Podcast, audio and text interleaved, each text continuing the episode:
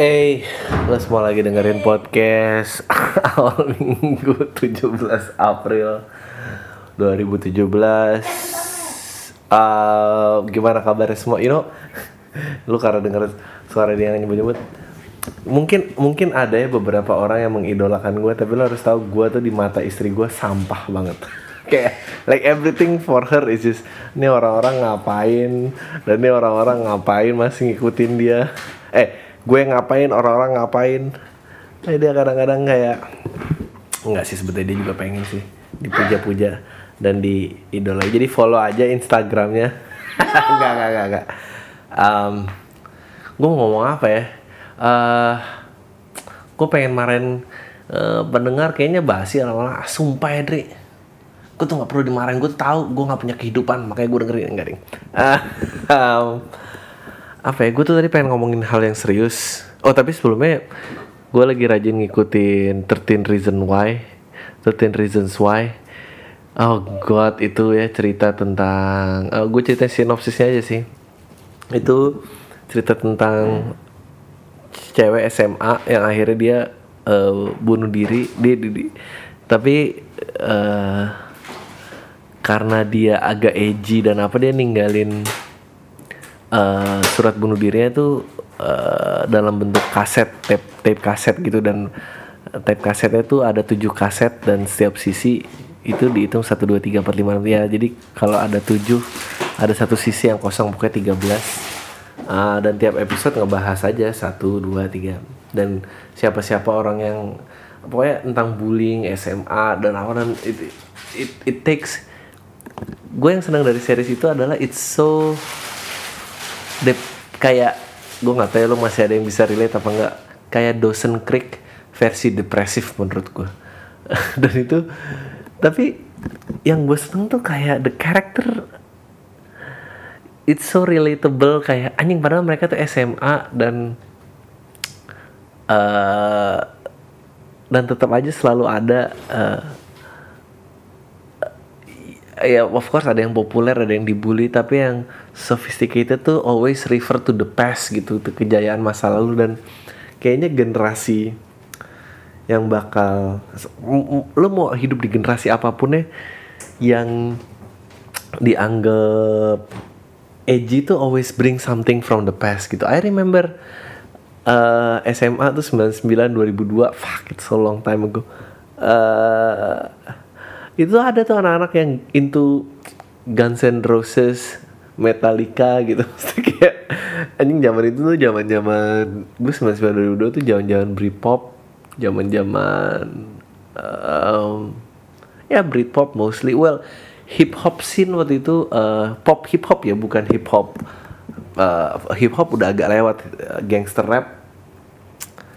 Sejak meninggalnya Tupac tuh udah agak lewat dan uh, ya dan anak-anaknya gitu yang gue jadi inget SMA gue gitu karena with so diverse dan gede gitu.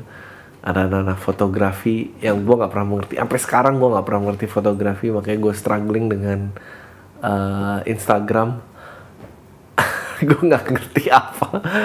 Uh, terus ada anak-anak teater ada anak cheerleader ada anak-anak osis. Um,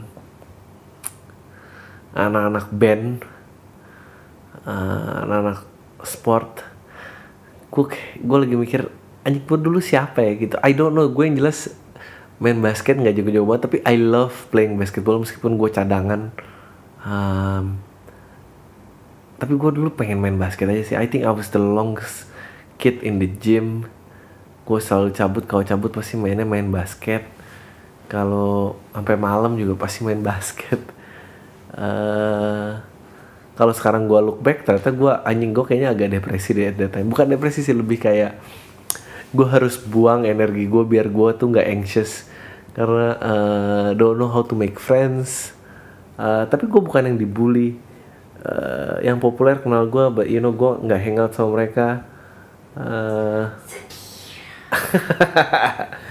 tapi gue cukup banyak deket sama cewek geng cewek. Mungkin karena gue nggak dianggap mengancam um, yeah, you should check it out. I think it's it's fun. Uh, terus ada anak mobil, Ugh. Gue dulu, eh gue nggak bawa mobil sih. Gue bawa motor kelas 2, kelas 3 gitu bawa motor. Eh, apa yang bisa gue, aduh, it is the worst time. Gue nggak bisa ngikutin pelajaran, gue stres. Terus semua orang tuh kayak nggak peduli. Dan gue lagi mikirin dulu tren gue apa ya? kalau sekarang tuh kan sosial sosial media ya kayak kalau di situ tuh lihat kayak ada orang lah pacaran di foto-foto disebar lah apa dan anjing itu tuh mengerikan banget ya dulu tuh dulu tuh zaman gue SMA ya ada orang make out di mobil aja itu tuh nyebarnya tuh mulut ke mulut tau gak lo nggak nggak dan dan makin pindah ceritanya makin beda tapi nggak nyebar ke banyak orang kayak gitu loh nggak jadi pusat. Nggak jadi pusat. Uh dipermalukan secara massal gitu loh gue uh. um, of course uh, ada pressure kayak wah lu pengen diundang ke partinya siapa? Apalagi dulu kayak uh, dulu tuh karena nggak ada tapi nggak ada sosmed tapi dulu tuh pergaulannya ya Jakarta Selatan gitu ya ada Sweet Seventeennya siapa? Lu pengen diundang atau lu yang deketin siapa? Lu berharap diundang? Eh jijik banget lah. Sebetulnya gue nggak mau ngomongin ini sih. Why am I talking about this? Gue mau ganti eh maaf ya gue nggak tahu kata sambungnya. Gue tadi pengen ngomongin tentang society dan ini agak berat. Gue tuh lagi wondering. Gue sih nggak tahu ya. Gue nggak percaya gue nggak percaya kayak ada organisasi besar atau Illuminati atau apa gitu tapi gue percaya dalam konspirasi tapi nggak konspirasi alien atau atau ada organisasi tapi I do believe in aduh kamu ngapain sih kresek kresek kresek ini nggak kedengeran seperti podcast profesional gitu Ya. um, gue tuh karena mikir gue kemarin liat berita uh, orang yang dia merawat nah kemarin juga ada yang nanyain gue tentang uh, ganja dan expect gue untuk bahas secara eksplisit seperti gue bahas alkohol. Gue gue bukannya bukannya nggak pengen. It's just gonna stir some shit up and ya Dri we get it. Lo pasti bilang nggak mau dan lo ini dan lo merasa podcast lo lebih populer daripada kepala yang which ya 5000 tuh nggak ada apa-apanya lah dibanding eh banyak orang jadi lo tuh kenapa sih selalu takut ini ini nah itu? Ah sedih banget sih orang itu merawat istrinya eh, kalau nggak salah kanker kanker tulang belakang kanker tulang kalau nggak salah kanker tulang pokoknya gue nggak tahu tulang apa. And um, semua medication gak work terus dia melakukan penelitian sendiri and then uh, uh, dia numbuhin ganja and then uh, dia ngerawat akhirnya dia ketahuan gue nggak tahu apakah dia ditangkap duluan sebelum istrinya meninggal. Oh gue harap sih bukan itu sih kejadiannya. Uh, gue bukan doain istrinya meninggal tapi kalau memang akhirnya meninggal paling nggak bukan kak bukan karena suaminya nggak bisa ngerawat lagi. Lu like oh ya ini kayak ke ke um, kemanusiaan apa? Well here's the thing ya gue mau playing devil advocate aja gitu devil advocate tuh apa sih Han? Main bad cup kali masuk kamu. Iya main uh, main bad Main bad cup. I'm not playing bad cop. Devil advocate itu ada dalam dalam oke da- dalam sebuah perdebatan misalnya jika dalam eh, anggota lo setuju mau merencanakan A kalau lim kalau lima kalau empat dari kalau lima dari eh, empat dari lima tim lo setuju mau ngejalanin A menurut gue in order A itu untuk bagus juri kelima tuh harus playing David Advocate untuk hancurin itu udah aku lipat-lipat yang basah-basah dan sama celana um, This two? This two? Iya iya iya. Oke. Terus eh, juri yang ke ju- tim yang eh, member yang kelima harus mengeluarkan argumen gimana caranya eh, biar si rencana A itu patah dan em, pada saat itu tidak patah dan dan itu tuh bener gitu.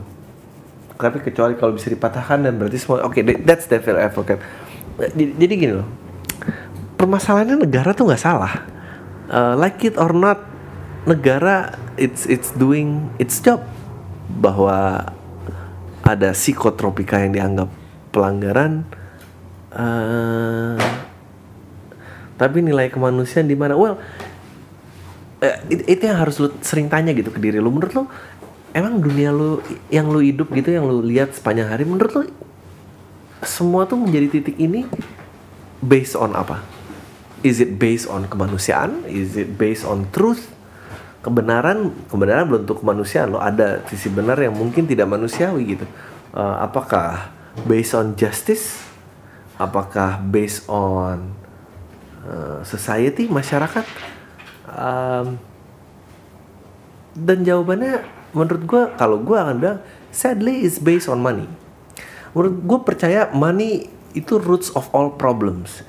Tapi apakah kalau kita take away money from our society all problems are gone? Jawabannya not quite. Jawabannya belum tentu. Gue percaya farmasi is industry everything tuh industri pada saat udah menjadi industri it's based on money gitu. Jadi gampangnya tuh gini lo harus berpikir semua yang nih kenapa kenapa sih eh, sesuatu yang pembaruan untuk planet itu lama di approve nya kenapa? Why we didn't just go jump on board dan ngambil nilai ini yang lebih baik untuk eh, kemanusiaan dan alam gitu? Karena jawabannya semua duit yang berputar tuh itu nggak diinvest di situ gitu it's it's, it's the same like uh, sebelum kita ke ganja kita kita pakai perumpamaan yang lain lah. It's the same thing with uh, um, uh, pada saat mobil listrik ditemukan. Kenapa itu nggak langsung took off? Karena the industry is based on oil gitu. And then pada saat uh, waktu itu lo harus nonton Moby Dick sih. Dia jadi waktu itu pada saat itu jadi waktu itu ceritanya Moby Dick itu kan ada pelayan yang ditelan paus raksasa lah. Nah eh, ceritanya pada saat itu pekerjaan yang flourishing yang berkembang adalah eh, nelayan gitu. Nelayan yang specifically memburu paus. Karena pada saat memburu paus lemak paus itu bisa dijadiin lilin dan it- dan itu salah satu pertama kali manusia akhirnya secara industri mengalahkan alam yang mengalahkan mengalahkan gelap gitu. Dan the industry was based on that before kita we met oil. Pada saat kita menemukan resource energi lain to light up ini gitu oil dan industrialisasi pun terjadi gitu nah dan money itu shifting sana. Jadi waktu itu juga people pouring money people invested in boats people invested in in ini dan dan dan gue tuh nggak percaya penguasa itu yang punya jabatan. Gue percaya ini mulai konspirasi gila-gila. Gue percaya gue percaya yang menjalankan sesuatu itu adalah konglomerat dan mafia. Like pejabat pejabat itu sebetulnya gue udah tahu jawabannya pejabat itu apa tapi itu udah jadi joke jadi gue gak akan bilang sekarang Eh, lu datang aja ke show gue gue gak tahu kapan but you know I'm working on some new bits Uh, so it was based on it so can you imagine betapa upsettingnya yang namanya inovasi itu? Apalagi inovasi yang shifting apa oke apalagi inovasi khususnya yang bisa men- membabat pondasi industri ekonomi yang udah dibangun berdasarkan itu. Marah pasti menurut lo kalau ada yang nemuin teleport gitu pindah orang nggak ngamuk? Ngamuk pasti. Ngamuk yakin gue karena industri penerbangan tidak dibangun berdasarkan teleportasi gitu. Dan dia, orang itu harus diam-diam orang-orang itu harus nemuin orang gila. Kayak lo harus lo harus lihat sih sejarahnya Tesla. Tesla tuh di Tesla mobil ya itu ditahan sekian lama. Udah sampai dia akhirnya convince bisa convince konglomerat yang mau buat duitnya lebih gede lagi untuk invest di situ. Baru itu menjadi so it was, it was never based on oh ya demi demi planet ini demi ini eh, kebaikan manusia biar biar nggak ada lagi orang hutan yang ditebang dan dibakar demi kelapa nggak pernah tentang itu gitu. Gimana caranya to make the conglomerate especially the orang yang dengan old money ya untuk untuk pindah gitu old money. Ja- kalau new money semua orang pengen kaya. Tapi kan per- jadi kita nih it- it's never it- kita nggak pernah ada di on the equation gitu nggak pernah ada di dalam persamaan itu gitu. It- it's always the the old money versus orang yang hungry to be new rich gitu. Dan gimana caranya ngelindungin ini semua. Jadi kalau lu nggak punya duit ya ah, suara lu sih nggak dianggap.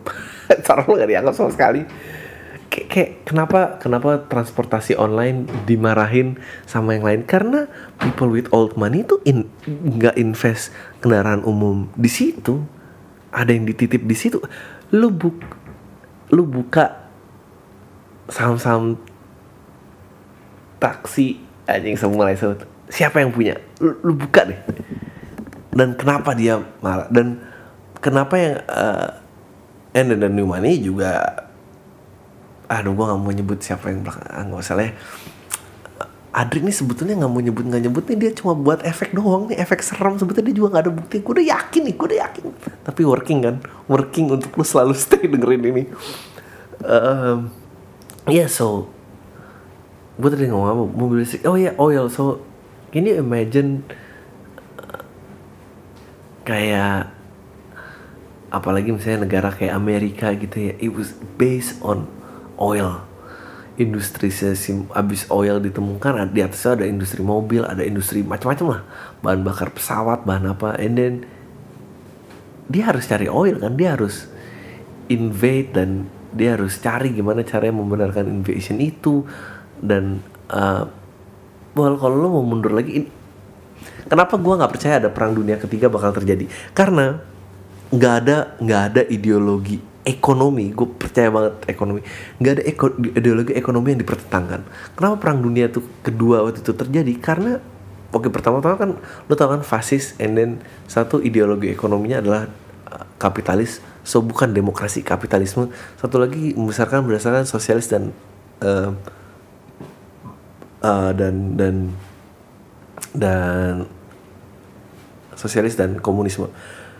Di satu sisi si demokrasi itu percaya bahwa orang harus punya hak individual orang harus boleh kempit karena itu yang men-trigger inovasi. Dan itulah bagaimana nanti manusia akan berkembang bla bla bla. Tapi pada saat fasisme udah hancur ini orang cuma jadi fasisme hancur itu juga bukan karena kemanusiaan. Gue ngeliatnya ada pada saat itu kalau lu mau lihat ekonomi Jerman di bawah Adolf Hitler lu lihat perkembangan yang kayak apa. So yang jahat pada saat itu menurut gue bukan cuma ada gue tuh selalu sebel sama orang yang ngeblame satu orang. Do you really think kayak misalnya oh ada wasit yang memainkan skor. Lu percaya cuma wasit itu gitu? Wasit satu orang tuh yang mengorkestrakan ini semua. Nggak mungkin lah. Pasti semua sistem tuh ikut bergulir. Sama kayak sama kayak pa- pada saat Jerman waktu itu gitu. Dan mereka mereka mereka bukan merasa bangsa yang lebih tinggi. Itu yang mereka bilang ke kerak. Itu yang yang kita terima. Tapi gue yakin niatnya adalah tuh meningkatkan wealth. Tapi pada saat itu wealth mereka pengen diputar di rasnya mereka sendiri. Which is itu tuh udah agak usang sebenarnya. Kerajaan dulu juga kayak gitu. Zaman zaman ini makanya masih ada yang tersisa bibit bibit bobot. Kenapa lu dari turunan siapa sebetulnya bukan masalah bibit bobot ya biar duit tuh berputar di situ-situ aja. Duit tuh berputar di situ-situ aja. Um, ya so pada saat itu ngerasa anjir nih dia kalau cuma pengen di istilahnya di kampungnya dia dan orang-orang kampungnya dia yang demokrasi dan sosialis ngerasa anjing kita misalnya dulu deh kita ngebantai ini dulu deh gitu. And then kita settle our differences. And then mereka pas itu kelar mereka sepakat untuk "Ya ada nggak ini. Dan yang kapitalis merasa bahwa ya nggak mungkin lah kalau tidak ada inovasi. Eh kalau tidak ada persaingan gimana mau ada inovasi gitu? Nggak mungkin perubahan tuh dipimpin which is itu yang dilakukan ini. Bisa kok dipimpin bisa kok hanya the elite yang mengcatapult perubahan. Pada saat anjing nih dia bisa lagi gitu. Bangsat lah. Kalau kita ini terus kita gimana cara uh, bisa berjualan di dia ya gitu kan. Mereka maunya swadaya. Swadaya tuh problem buat orang-orang yang pengen ngembangin duit karena gue jadi nggak bisa naruh duit di sana. So akhirnya perang itu pun terjadi dan perang dingin itu yang akhirnya tau lah yang negara ini dibabat dan kita salah satunya. Nah itu that brings back kenapa uh, keswadayaan tuh is a threat selalu menjadi ancaman. Itu dia dan pada saat lu kapitalis dan based on oil dan lu harus mencari jalan gimana caranya gue ngambil itu. So karena kalau based on truth anjir itu orang-orang yang punya duit marahnya nggak tahu sih kayak apa society kita berkembang kayak apa. Apakah jadi kalau nggak ada duit apakah kita bisa? Eh belum tentu juga duit juga nggak tahu ya. Mungkin greed mungkin keserakahan itu memang mendorong manusia kali. I, I also don't know gitu. Um, but I believe it's it start with the money. Selalu start with the money. So ba- tadi oil apa ini transportasi lu aviasi bidang aviasi deh. jadi kalau lihat ini terus lu mau bawa fight ini fight ini ke dalam drugs gitu dalam farmasi gitu Em, apakah semua berarti apakah semua farmasi itu bullshit? Well enggak tapi industrinya tuh base apa menurut lo. Kalau menurut gue base nya tuh on antibiotics. That's what the pharmacy industry based on. So kenapa antibiotics tuh nice gitu? Kenapa it works? Menurut gue karena karena antibiotik kalau lu beli lo harus apa? Harus habisin betul Um, pada saat lu udah sering antibiotik lu akan sakit lagi ya? Sakit lagi. Um, apakah of course nih gue nggak baca ya. Apakah pada saat lu udah sering sakit minum antibiotik tuh yang dilakukan apa? Dosisnya meninggi. Nah lu kebayang gak sih kalau ada substance yang menyembuhkan penyakit lo? Nggak mengcreate adiksi um, apakah it's it is worth to to invest on gitu. Can you build? Lu bisa gak sih bangun industri based on that gak bisa gitu. Jadi oke eh, oke and then ada ada ada kesalahpahaman yang yang menarik waktu itu uh, gue simak Dri lu tai lu ngomong simak lu tuh pasti baca kan Ribu well gue baca tapi gue tuh lebih banyak lupanya. So gue nggak bisa bilang resource-nya. Uh, so the war on drugs kenapa ada obat-obatan terlarang? Apa it, it was not kalau belajar kimia everything tuh can be breakdown to chemical components. So actually there's nothing yang disebut terlarang. Anything yang baik pun kalau dosisnya lebih itu bisa little. So pembicaranya soal dosis gitu. Jadi uh, pada saat uh, kembali lagi ke ke perang dingin tadi dan uh, si kapitalisme ini berusaha membasmi uh, sosialis dan komunisme di 60-an tuh ada pergerakan hippie. Dan waktu itu di Amerika itu waktu itu ada cerita bilang pokoknya kalau orang yang voice out terus tuh pasti bisa mati sih kita mereka masih percaya John F. Kennedy itu mati karena itu karena pada saat John F. Kennedy karena John F. Kennedy pada saat eh yang ditembak di jalanan itu apa sih? Kennedy. bener kan? Ah, iya. karena Kennedy was uh, dia pengen menghapuskan perbudakan uh, Bukan, perbudakan Jefferson. sorry nggak dia pengen black people to vote ya. Ya dia pengen pengen mengembalikan hak suara ke orang hitam Uh, dia peng dia tuh takut sama Rusia. Iya dia pengen berhentiin perang. Dia pengen, dia nggak mau kok go to war. Dia nggak mau invade Vietnam. Dia nggak mau apa. And then the hippies were behind him. And pada saat itu selalu ada ledakan eh, pengguna-pengguna obat-obatan terlarang pada saat usai perang. Kenapa usai perang? Karena kalau lu perang lu bawa kan tuh semua obat biar lu survive. Kalau lu nggak ini lu bawa balik. Surplus kan? Terus st- stok yang gede itu jadi leaking out to the street gitu. And people start using semua obat-obatan yang yang tadinya cuma boleh dikonsumsi oleh prajurit gitu.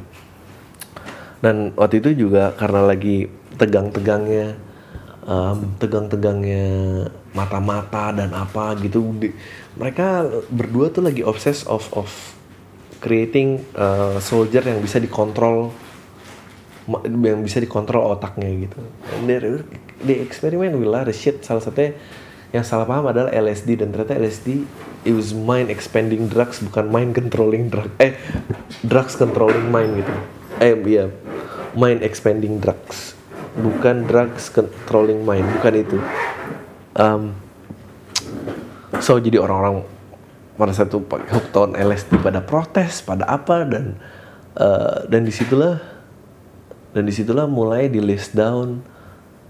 Ber- mereka kan udah menjamin freedom of speech mereka udah nggak mereka nggak bisa menjarain orang uh, based on lifestyle. So what they can do adalah ya lobby start working gimana caranya kita bikin peraturan orang-orang ini nggak bersuara lagi dan dan di situlah keluar list obat-obatan terlarang.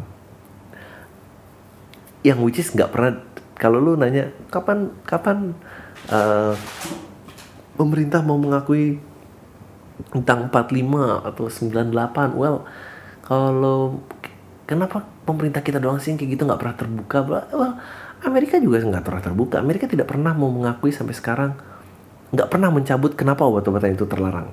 Tidak pernah gitu ya oke lah sekarang eh, meskipun udah perlahan ya da- dan orang-orang yang dieksekusi karena menggunakan drugs atau ditahan atau di apa nggak nggak pernah di nggak pernah dibenerin lagi gitu. It was just that and then dan itu jadi doktrinnya. And then uh, eh nggak pernah dibenerin gitu. Padahal uh, what was that drugs honey What? H4N0 apa yang ada di Halime Nggak tahu.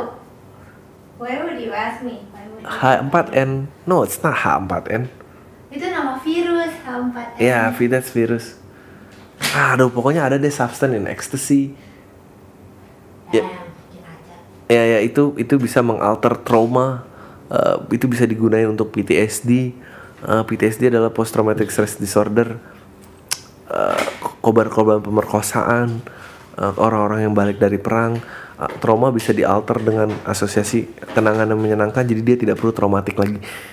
Ap- kenapa itu nggak pernah di ini? Nggak bi- nggak bisa gitu dan farmasi is a very ah semua bisnis dirty sih. Sama kayak lu bertanya kenapa kenapa Amerika kalau dibilang ban mau di ban penggunaan senjata api semua orang marah ya karena the industry was based on that. Their society is based on gun industry gitu. Dan orang-orang pasti marah lah gitu. Kalau kalau itu dicabut so apakah jadi ya selamat eh, memilih pilkada? Tapi gue nggak tahu harus milih siapa. Um, so yeah so that's the lesson. I think I I truly believe 100% our society is based on money. It's nggak based on justice nggak based on nggak based on truth nggak based on humanity. Uh, tapi kalau kita bikin tapi kalau ditanya kalau kita bikin society dari awal it's based on humanity and truth apakah kita akan ada di titik sekarang? Makanya gue bilang jawabannya belum tentu gitu belum tentu um, karena yang the top itu dirty pasti tapi yang trickling down ke bawah itu kayak misalnya sekarang uh, kalau lo mau ikutan tuh kayak dokter Without- borders yang lo um, yang lo uh, yang lo bawain imunisasi ke daerah-daerah Afrika yang tak terjangkau atau apa like di Indonesia juga banyak. Itu adalah impact of makanya harus diatur kan orang-orang udah buat duit perusahaan udah gede CSR-nya gimana berapa. So memang I hate to do this tapi memang menurut gue lu pilih cause apa yang lu mau perjuangin dan jadi orang yang pragmatis aja sih. Gue sih percaya itu ya kayak whoever in charge whoever siapa pun yang di atas siapa pun yang punya duit yang bisa lu desak adalah gimana eh, yang bersifat sosial itu bisa jalan an- di bawah pemerintahan siapa pun. Eh, jadi kalau lu punya interest untuk menanggulangi sampah dan bagaimana caranya menanggulangi sampah? Meskipun gubernurnya A jadi B. Em, pada saat A lu bisa ini di B lu bisa kayak gini. Kalau interest lu di musik dan pengen mengembangkan gerak um, gue remember gue ngobrol sama Glenn. Dia bilang eh ah nggak mau nggak mau bilang gue sebut nama. Ntar dia dimarahin lagi kalau lu um, base kalau lu punya fight tentang perfilman dan bagaimana perfilman itu tetap flourishing siapa pun yang in charge. Um, karena you can only fight. Lu cuma bisa fight sejauh yang bisa lu fight sih. And kalau lu nggak punya duitnya dan shut the fuck up. Dan dia nikmatin apa apa yang society apa yang orang-orang punya duit tentuin buat lo aduh nikmat banget ya. Udah lama nggak bahas yang berat-berat. Jadi kita masuk aja ke pembicaraan. Nah, kali ah Nanan tutup dong ini jendelanya. Bau. Yang sana yang sana yang sana tuh. Oke, Foo Fighters atau Nirvana jawab di podcast. Gua ha- harus jawab Foo Fighters. Karena they just don't have the. Gue tuh cinta klub that Forever 27 tuh gue cinta Amy Winehouse, Kurt Cobain, Jimi Hendrix, Janis Joplin. Um, tapi it's like wine. Gue seneng liat Sting tua. Konsernya lain gue gue menunggu Adele ngomongin tentang keibuan. Hmm, tapi dia masih mau bahas tentang cinta-cinta putus cinta ditinggal itu terserah lah. Um, ya I just don't get to see Kurt jadi yang lain gitu. Itu doang sih problem gue um, gue seneng gini. Gue seneng Eric Clapton. And Eric Clapton on drugs sama Eric Clapton udah tua itu lain banget. Ada gue percaya gue percaya banget less is more. Mungkin dengan kecepatan tangannya dan imajinasi pada saat dia muda dia bisa ngeluarin 5 note dalam sekian dan gimana gitu. Dan dia udah tua dia bisa tahan satu note. Dan itu feelingnya bisa ngelebihin ngelebihin yang dia muda. Dan I just gue nggak ngelihat Nirvana pada saat itu gitu. The, the aging the uh gitu. Mungkin karena gue udah lewat 27 kali ya. Um, Bang gue baru nyatu banget soal phone old geek thing yang populer before YouTube Uh, bahas di pam dong bang jelasin soal Surya ke depannya. Uh, akan seperti apa after US misal salam tai. Oh well gue nggak tahu. Um, gue tadi ngomongin tentang invasion dan apa segala macam gue nggak tahu. Gue nggak ngerti gue nggak ngerti Suriah tuh apa. Um, there's no oil so teori itu out. Um, yang jelas I had a feeling kayak Surya akan ke wipe off dari map. Um, dan I, I I don't know. Udah udah terlalu banyak negara yang ini dan karena emang itu negara tanpa pemerintahan kan militernya take over dan Surya udah ngebunuh-bunuh orangnya sendiri juga. Uh, I I don't know itu harus kayak apa. Uh, dan kalau nggak salah ada waktu itu siapa yang ngeluarin? Indonesia Cina Rusia. Cuma itu yang nggak mau ngebom Suriah tapi I, I, I don't know. Sekarang Rusia dan Cina pun ada tension apa Uh, tapi perang dunia ketiga sih nggak akan kejadian. Gue sih percaya nggak kejadian. Karena nggak ada nggak ada yang mau karena karena Cina dan Rusia juga nggak ya udah ya udah kapitalis udah open market juga. Jadi nggak there's no ini gitu. Um, mungkin takut dilibas kali ya tapi Cina neken sama Korea Utara itu juga gue nggak ngerti. Ah nggak tahu lah gue banyak ngertinya Em, bang lu tahu fenomena seleb jualan oleh-oleh khas daerah yang dijual aneh-aneh lagi? Lamington dari Pontianak. Gue aja yang orang Pontianak tahu Lamington itu pastry dari Brisbane. Jawab di podcast. Nggak tahu gue jawabannya. Jawabannya gue nggak tahu kenapa seleb-seleb itu seperti itu. Karena mungkin kehidupan seleb itu tidak seglamor yang lu pikir. Sebetulnya dia juga masih mau jualan juga. Nggak tahu juga gue Em, apalagi sih? Oh eh, bang mau pakai bahasa Jawa atau bahasa daerah lain? Enggak juga nggak apa-apa. Anak jaksel banget soalnya jawab di paham gue nggak bisa ngomong bahasa lain. Gue belajar bahasa Sunda tiga tahun. Gue lupa sama sekali. Uh, istri gue orang Sunda dia masih ngerti ngomong Sunda. Wah istri gue basically dia kalau ke daerah mana pun paling nggak dia bisa beradaptasi untuk nyebut panggilan akrabnya. Mas dan mbak di tempat-tempat lain dia tuh tahu.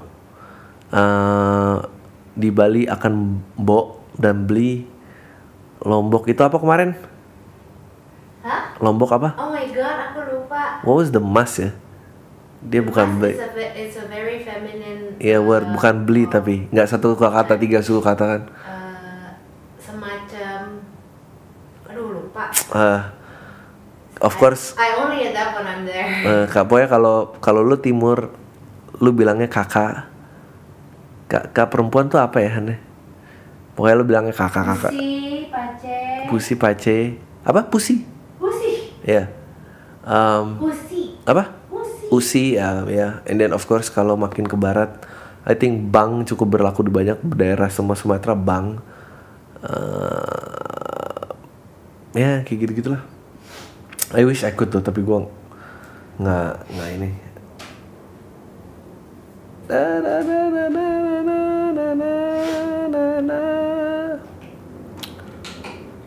Penasaran jok baru saya jadi seperti apa? Oh tunggu saja, mungkin setahun lagi kali ya. Em, oh ya, gue masih dalam pembicaraan untuk mencari sponsor. Sabar Bandung, Semarang, eh Bandung, Surabaya, Jogja. So kalau gue semoga dapat. Em, Oke, halo bang, salam tai. Bang. Gimana sih cara ngatas ngatasin pressure untuk segera menikah? dari ortu gue dan lingkungan. Gue 25 ortu gue udah nyindir-nyindir kalau gue lagi pulang kampung dan ngobrol sama mereka lama-lama nyebelin banget kayak tai. Tiap ngobrol pasti ngebahas itu padahal pacar juga nggak punya. Di Jakarta aja kesepian gimana gue mau nikah? Iya makanya ya that's how lu nggak nikah. Jangan punya pasangan eh orang tua lu mau ngapain?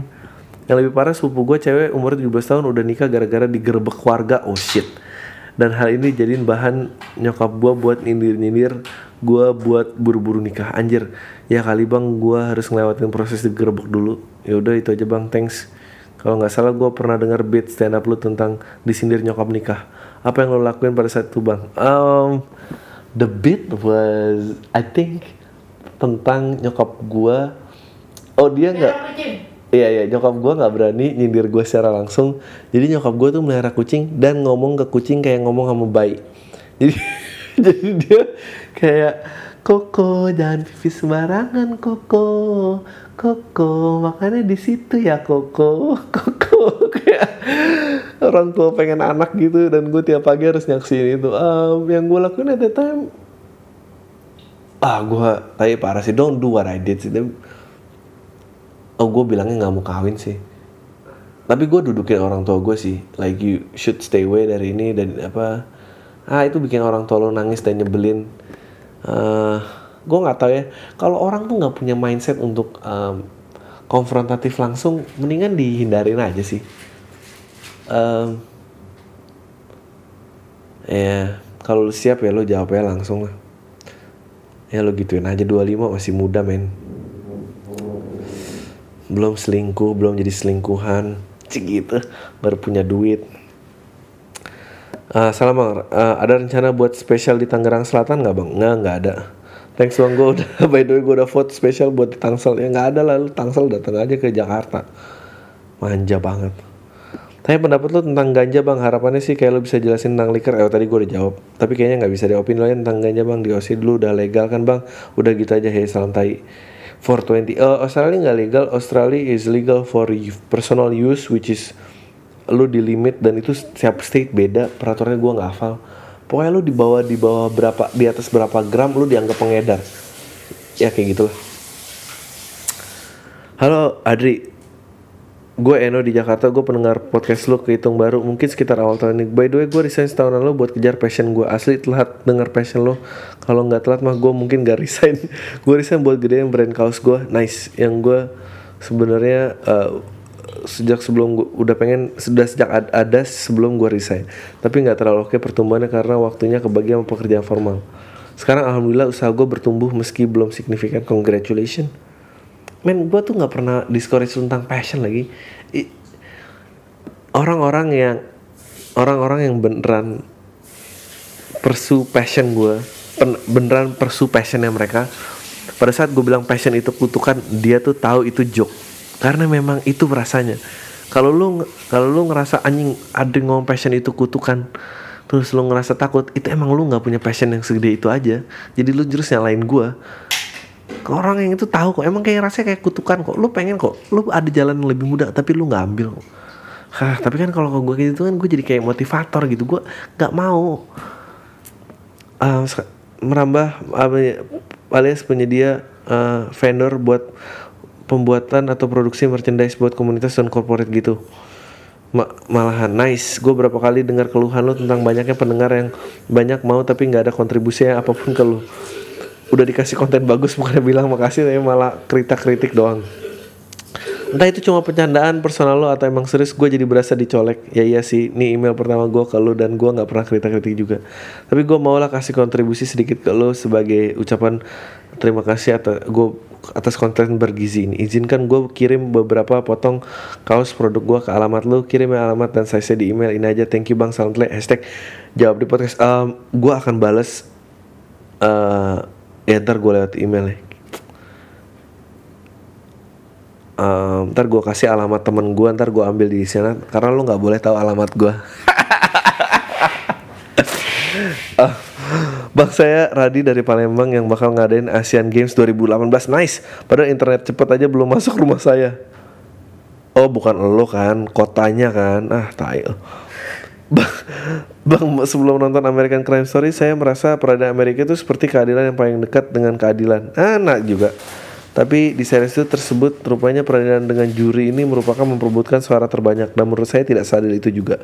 Menurut abang peradilan yang paling adil itu yang bagaimana? Eh, menurut abang kalau aja sepak bola terkenal di Amerika dan basket terkenal di Eropa, apakah sepak bola akan sefancy di NBA sekarang dan apakah basket akan lebih terkenal di Indonesia? Eh, enggak karena karena at that time basket terkenal di Indonesia very American minded. Ari Sudarsono baru pulang sekolah wasit dari Filipina, Filipina Amerika banget dan kita lagi influence Amerika banget. NBA itu olahraganya keren apa pinter orang Amerika yang pinter mempackage-nya. Terima kasih bang, santai. Eh, I think both. I think Amerika sebetulnya gini, kalau lu mau belajar how to make, how to build an industry gitu, how to build empire, lu lihat perkembangan basket sih di Amerika karena it wasn't that long.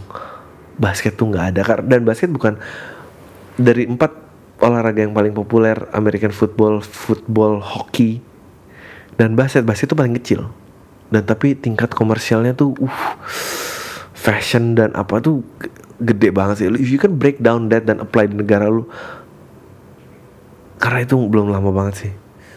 Em, sistem peradilan, oke, sistem peradilan Amerika adalah em, kalau kita tuh ada jaksa umum, ada pengacara. Kalau mereka tuh sistemnya eh, jaksa umumnya tuh sifatnya pengada pengacara juga, it's public defendant kalau nggak salah namanya. And then satu lagi eh, ya pengacara biasa. And then dia ada kesepakatan juri. Juri itu adalah eh, perwakilan orang umum yang diambil dan mereka yang juga mutusin voting dan itu nggak adil menurut gue karena gue tuh nggak percaya apa pun yang bukan expert yang ngomong. A- apaan tuh? Berisik ya gue ngomong gini bodoh. Em, ya itu nggak adil itu karena orang umum tuh it's too easy to be persuaded. Tapi it, it, here's the thing, ini tentang kapitalisme dan dan dan sosialis. Bukan sosialisnya sorry. Faham kiri dan faham kanan. Kiri adalah orang kanan adalah no iya bener Reng. kanan adalah uh, organization atau pemerintahan. Gue orangnya agak kurang kiri loh. Gue agak kanan sebetulnya. Gue percaya perubahan itu dipimpin. Gue nggak percaya perubahan itu pakai voting. Kapan majunya pakai voting nggak akan kelar kelar tapi again kalau dikuasai kanan ntar dikuasai hanya elit dan kiri tadi tidak berkuasa. So it's pokoknya ya ntar muter-muter itu aja lah pendulumnya itulah prinsipnya. Kalau lu tanya sistem peradilan yang itu bagaimana um, nggak ada. That's why negara-negara maju kayak kenapa hukuman mati diabolish? Oh, itu juga. Kenapa hukuman mati diabolish gitu? Amerika penjaranya dikelola swasta itu lebih gila lagi Eh, karena by the end of the day kalau lo ngomongnya kemanusiaan we can always be wrong. Dan evidence selalu berubah. Dan kebenaran semestinya selalu ditunggu even takes years. Tapi there's no money. There's no money untuk nungguin orang untuk nungguin kebenaran 20 tahun tuh duitnya di mana? Nggak ada.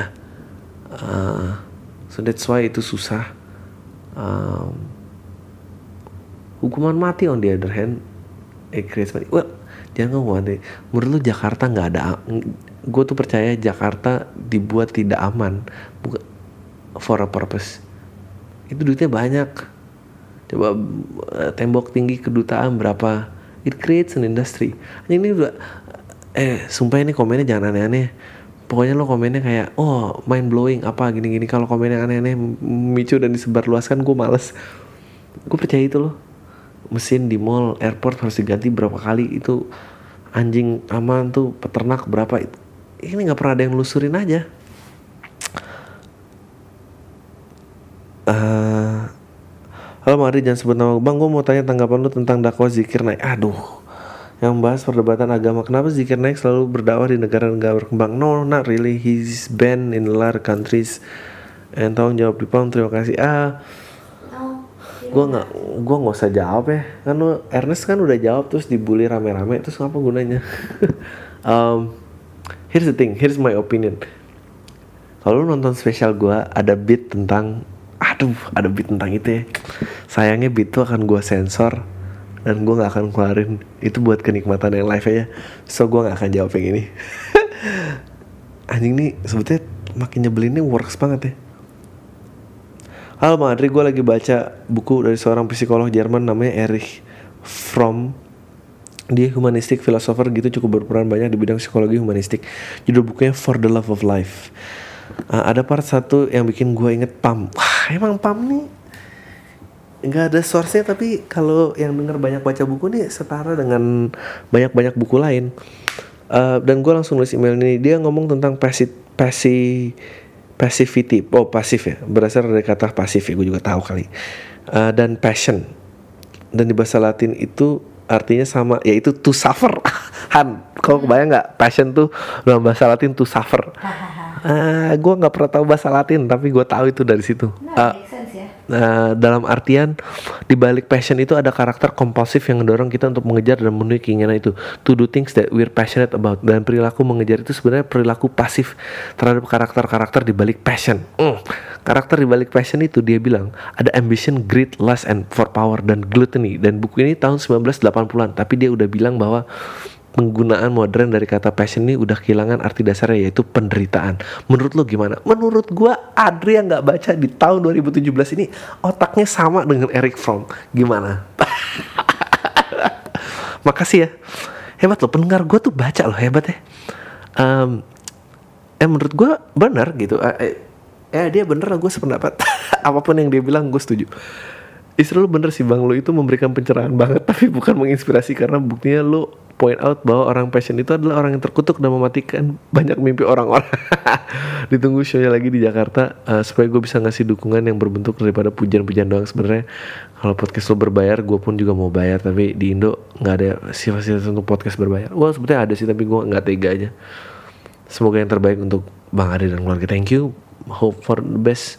Buat lu juga keep reading. Kalau gua ada yang mirip lagi tolong kasih tau gua karena gua nggak akan baca-baca.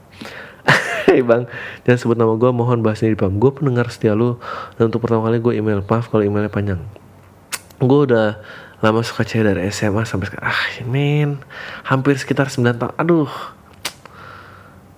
Permasalahannya gue sama dia pas SMA cuma sekedar teman aja doang, bang. Um, ah shit nih udah mau habis nih baterainya. eh apa? Bukan teman nongkrong. Eh, bukan teman yang sering nongkrong. Cuma gue udah suka dia karena satu dan lain hal. Gue ketemu dia, gue ngebatas negor dan senyum aja bang. Dia pun sebaliknya. kalaupun ngobrol cuma seadanya karena cuma tanggung singkat cerita gue mulai dekat sama dia karena belum punya pacar saat itu mulai dari SMS sampai nongkrong bareng maupun nongkrong bareng hah gimana sih ini bukan gue yang salah baca gue jarang nih ya saya SMS sampai nongkrong bareng maupun nongkrong bareng mungkin baru dua kali nongkrong ya makanya dia tulis dua-duanya. Uh, gue jarang juga ngobrol sama dia bang karena canggung juga. Nah sialnya ternyata dia udah punya pacar pas dua SMA itu. Mampus. Uh, menjauh lah gue rasain. Karena gue tahu dia tuh punya pacar. Kuliah gue semester 4 gue mulai coba lagi cari tahu tentang dia. Dan gue udah dapet kabar dia udah mulai putus sama pacarnya mulailah gue memberanikan diri untuk PDKT dan akhirnya gue deket sama dia. Gue sering chattingan telepon sama dia. Dan mulailah sering ketemuan untuk sekedar nonton atau makan bareng. Nice uh, dan akhirnya gue memberanikan diri untuk dia nembak dia bang. Dan sialnya pas gue nembak gue ditolak dengan alasan dia belum putus sama pacarnya kan telek banget di situ. Kepedean banget sih di situ gue lagian dia juga sih ngerespon gue segitunya. Kalau udah punya si punya pacar mulailah gue ngejauh dia lagi. Udah nggak intens kontak-kontakan lagi. Gue sama dia cuma hubungan gue sama dia baik-baik aja. Nah pas gue lulus gue mulai deketin dia lagi dengan sering ngechat hai apa kabar ke dia? Karena gue merasa sulit untuk melupakan dia mulai intens gue ngechat dia dan ketemuan gue sama dia. Nah pas tahu dia udah beneran putus sama cowoknya dia sendiri dia bilang dalam hati gue ini saatnya gue masuk hati dia dan tembak dia lagi. Tapi sialnya ternyata dia nggak mau pacaran lagi karena maunya langsung nikah karena dia kecewa sama, sama komitmen karena dia udah pacaran selama enam tahun. Menurut lo gimana bang? Gue harus gimana ya? Tolong bahas di PAM kalau ada ibu kalbi juga mohon sarannya. Santai menurut gue lo bilang aja mau nikah iya kita rencanain mau nikah ya. Terus lo jalanin tiga tahun. Kalau ternyata bukan dia ya ya udah bukan dia. Kalau tiga tahun siap kan? Ya gak sih? Nggak ya? Menurut kamu gimana Kenapa sih kamu harus berpatokan sama tiga tahun? Remember what you said to me Ah, about ya, ya, ya, nggak usah dibuka. ya kan dia nggak tahu aku umur berapa ya. Tiga tahun tuh it's a good age untuk tahu orang itu siapa sebetulnya. Menurut aku ya. I always failed. Ya itu kan kamu unlucky aja jangan bawa bawa sini dong. Um, ya gitu deh. Ya jalan aja bilang aja iya mau gitu. Mau sip gitu. Ntar jalan setahun kita kenal sama orang tua gituin aja. Ntar kalau lu mau kabur ya kabur. Enggak lah lu tuh cinta udahlah. Lu tuh cinta 9 tahun. Najis. Gue sih nggak sanggup tuh gitu. Andri aku Hanes yang kemarin nanya juga kemarin aku sempat mau dijelaskan tentang personal branding. Ada bacaan nggak tentang bangun personal branding? Saya minta tips-tips yang berkenan. Terima kasih ya bang udah diganggu untuk kedua kalinya. Um, gue nggak tahu sih baca apa. I believe in the work I don't believe in personal branding. Then your work becomes the personal branding. Gue nggak tahu buku apa mungkin banyak kali. Gue nggak believe in manufacture dari dari luar ke dalam tuh aneh menurut gue 8 menit lagi low battery. Eh, santai bang gue baru eh, dengar podcast lo yang lawas-lawas dia sama nonton bokep. Jadi gue ada teman aduh kema- ada teman cowok SMA kelas 3 sebut aja namanya Maman. Maman ini orangnya bisa dibilang cupu. Dari tingkah laku oke gue tahu lah cupu pasti dari tingkah laku dan gaya bicara. Ada beberapa hal yang lucu dari anak ini. Pertama anaknya suka update banget dari sesuatu yang dia alami pasti diupdate. Dari FB dari dia bangun tidur lupa makan kucing beranak sampai ibunya berantem sama neneknya semua diupdate. Padahal yang like itu juga dia sendiri. Karena dia punya akun FB lebih dari satu. Shit. Dan si mamat in, maman ini dibedain cuma kayak maman part 1, maman part 2, maman part 3 lalu misalnya teman-teman gue ketemu sama si maman ini. Em, pasti gue iseng buka timeline FB nya si maman dibacain semua sama statusnya. Akhirnya maman pun kesel sama teman-teman gue yang berikutnya adalah dia suka koleksi bokep di HP-nya padahal HP-nya belum tergolong smartphone yang canggih. Pada suatu saat teman gue nanya ke mama kapan sih nonton bokep? Dan jawabannya selalu sebelum tidur dia selalu nonton. Gue gue pun iseng nanya pengen ngebuktiin. Gue nanya ke dia ada bokep baru nggak? Dia jawab belum ada karena belum beli kuota. Tapi dia nunjukin gue daftar website tempat download bokep. Dan itu banyak banget tersimpan rapi dan ter rapi di konsep HP-nya si Maman ini. Nah ada teman gue yang isengnya banget teman gue bilang ke Maman kalau dia mau pinjam HP-nya buat ngirim video eh bokepnya lewat bluetooth. Tiba dibawalah HP-nya ke Maman sama teman gue. Eh tau ya sama teman gue mau dihapus puluhan bokep yang ada di HP Maman sebelah itu. HP-nya pun eh lu jahat jahat banget sih temannya Kemudian Maman apa ngerasa bersalah sedikit pun. Keesokan harinya Maman ngamuk ke temen gue sambil teriak Woi video bokapnya kenapa lo hapus semua? Terus temen-temen gue ketawa. Dengar si Maman ini ngamuk-ngamuk temen gue pun nggak ngaku kalau dia ngapus. Dia malah bilang mungkin memorinya ke format itu bang sharing dari gue makin nggak sabar nunggu lebaran karena nunggu info show lu di luar Jakarta kapan jadinya. Jadilah bang Jogja atau mana pun asal di daerah Iya tadi uh, baterainya habis. Jadi gue lanjut aja. Ini pakai HP kualitasnya beda bodo amat lah. Uh, ya itu tadilah um, ya bokep apalah itu. Ya itu teman-teman lu jahat sih. Um, uh, aduh sorry ya gue pakai HP ngerekam pakai HP harus ngeliat email di HP lagi. Nggak usah lah. Nggak usah sebut namanya. Gue salah satu mungkin satu-satunya pendengar lo di Kabupaten Bone Sulsel jawab di PAM Bang, gue sekarang umur 24 tahun, fresh grade, akhir tahun lo background gue pendidikan bahasa Inggris, tapi gue gak suka ngajar bang. Baru sadar semester salah, baru sadar salah jurusan pas udah semester atas. Gue mesti gimana bang? Mau nyari kerja tapi bukan yang latar belakang pendidikan dan itu susah. Menurut gue, lo kerja dulu, ntar kalau udah ada gantinya, baru lo ganti. Belum telat men, belum telat. Masih jauh kok, masih jauh banget. Halo bang, menurut lo seberapa jauh drugs mempengaruhi pemikiran seniman terhadap karya? Pengaruh banyak. Kurt Cobain bikin lagu bagus karena awalnya ngeganja. Nah, no. I don't think influence Nirvana itu dari drugs.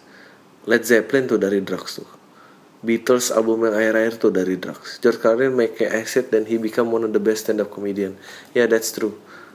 Um, slang juga lagu slang sebelum dan Out Drugs setelah Out Drugs beda banget slangnya juga baik-baik aja kayaknya nggak mungkin tercipta terlalu manis dan lain-lain. Dan nggak tahu kenapa gue yakin kalau lo make dalam takaran yang pas uh, di otak lo bekerja dengan cara yang berbeda. Menurut lo gimana? Ah kata siapa? Gue belum pernah pakai drugs.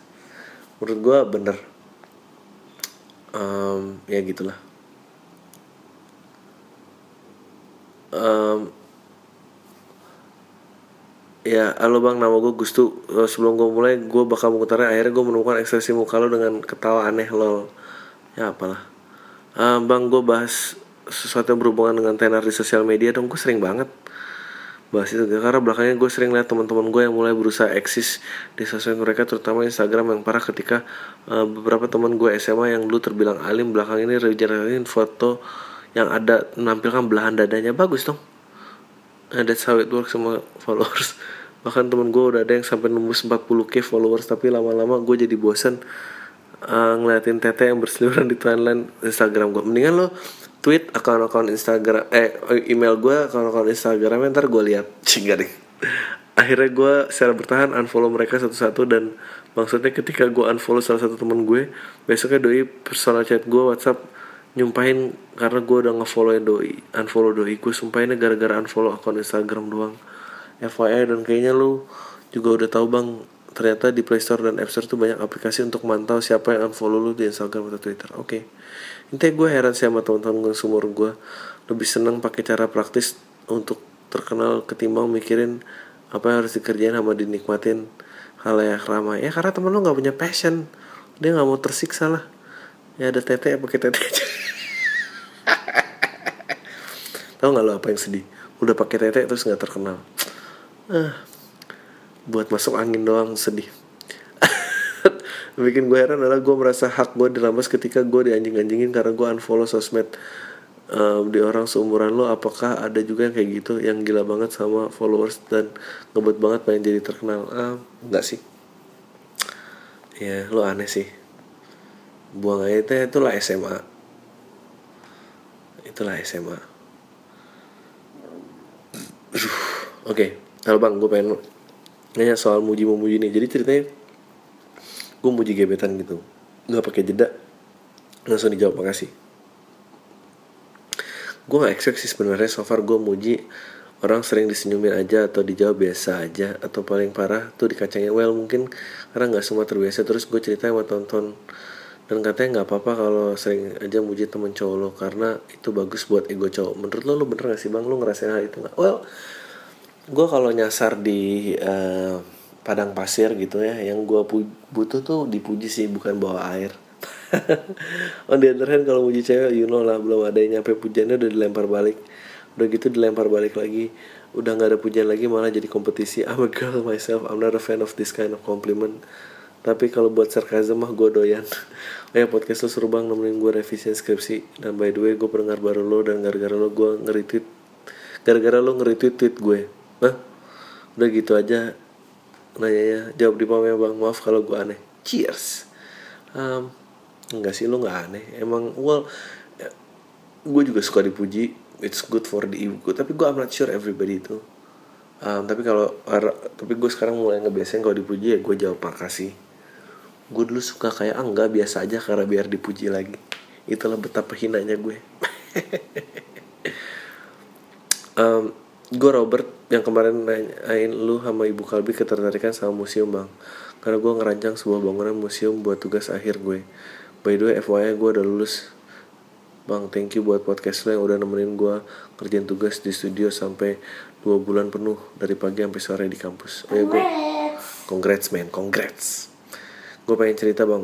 Pikiran gue terhadap salah satu restoran atau rumah makan gitu menurut gue selain makanannya enak apa enggak restoran itu dibilang bagus atau oke okay, itu dari dia menyediakan sabun buat cuci tangan di wastafel pengunjungnya dicampur air apa enggak? Kalau misalnya masih dicampur air nggak encer nggak jelas penggunaan lo menurut gue restoran itu nggak melayani detail aneh aja gitu nggak sih? Kalau nggak mau rugi banget.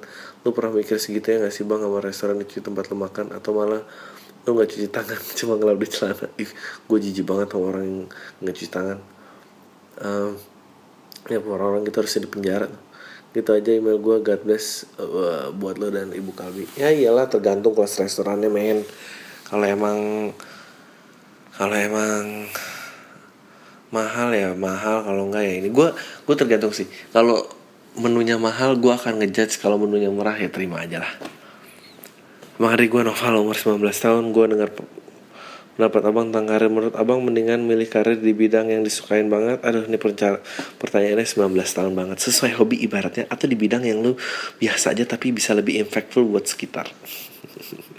Kalau pakai analogi mending jadi musisi handal banget lagunya bagus banget bisa bikin marketing atau marketing agency yang membantu ngimbangin UKM UKM dan ngasih dampak yang lebih baik buat perekonomian Indonesia. Sebegitu aja bang terima kasih banyak. Semoga bisa sehat terus rezeki lancar. Ditunggu di video LPLK nya dan show stand up di Bandung.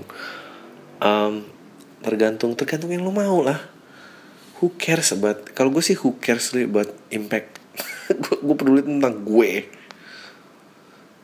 Uh, tapi ibu Kalbi kayaknya think otherwise. Udah nih email terakhir. Jangan sebut nama gue oke. okay. Mulai podcast dari tahun kemarin oke. Okay. itu juga dari Taiwan dari mantan. Uh nice. Uh, titip salam ya bang. Bilang gue kangen gitu. Ah oh, buat mantannya ini yang nggak mau disebutin namanya uh, gue nggak tahu gimana cara lo bakal ngerasa. Um, tapi kalau lo mau ngerebut mantan orang nih kirim aja ntar gue kasih email. Garing ah salam tapi buat uh, yang rajin dengerin podcast lu dari pertama pertama sampai sekarang. Gue mau cerita bang. Kenapa sih lelaki lebih sekarang lebih men kenapa sih bang sekarang lelaki itu lebih mentingin nafsu daripada perasaannya? Well gue kasih tau ya. Gue kasih tau itu nggak cuma lelaki sekarang itu dari zaman dulu sampai sekarang. Apa perasaan gue doang yang cuma buat dipakai buat nafsu? Gue ini pengguna Tinder bang. Gue pikir mereka nggak punya pikiran gitu bang. Ya lo mencari cinta di internet menurut lo apa yang keluar? Ah gue gue paham sekarang ML udah kayak barang biasa aja tapi kenapa sih mereka anggap remeh perempuan itu kayak mau ngasih pertahanan mereka menganggap remeh perempuan yang masih mempertahankan itu bang? Ya karena perempuan yang mempertahankan itu jangan main internet. Uh, udah berkali-kali ditemuin dan cuma mau cari pelampiasan hasrat aja. Karena pacar mereka nggak mau diajakin main ke kos-kosan. Ya gue yakin masih ada segelintir laki-laki yang masih menghormati perempuannya. Tapi fuckboy kayak gitu tai banget bang. Omongannya kayak gulali manis gede omong tapi kosong. Dan perempuan di luar sana yang udah kasih itu gue juga gak ngerti pikiran kalian. Ya well jangan temenan jangan main internet. Jadi perempuan itu sebab salah bang. Nolak dibilang munafik dan bilang iya. Bikin citra diri jatuh. Ya makanya jangan cari jangan cari cinta di internet lah. Itu aja sih bang. Makasih udah dibacain. Sukses terus sama santai. Udah itu aja. Gue juga capek. Thank you uh, tayo semua. Deh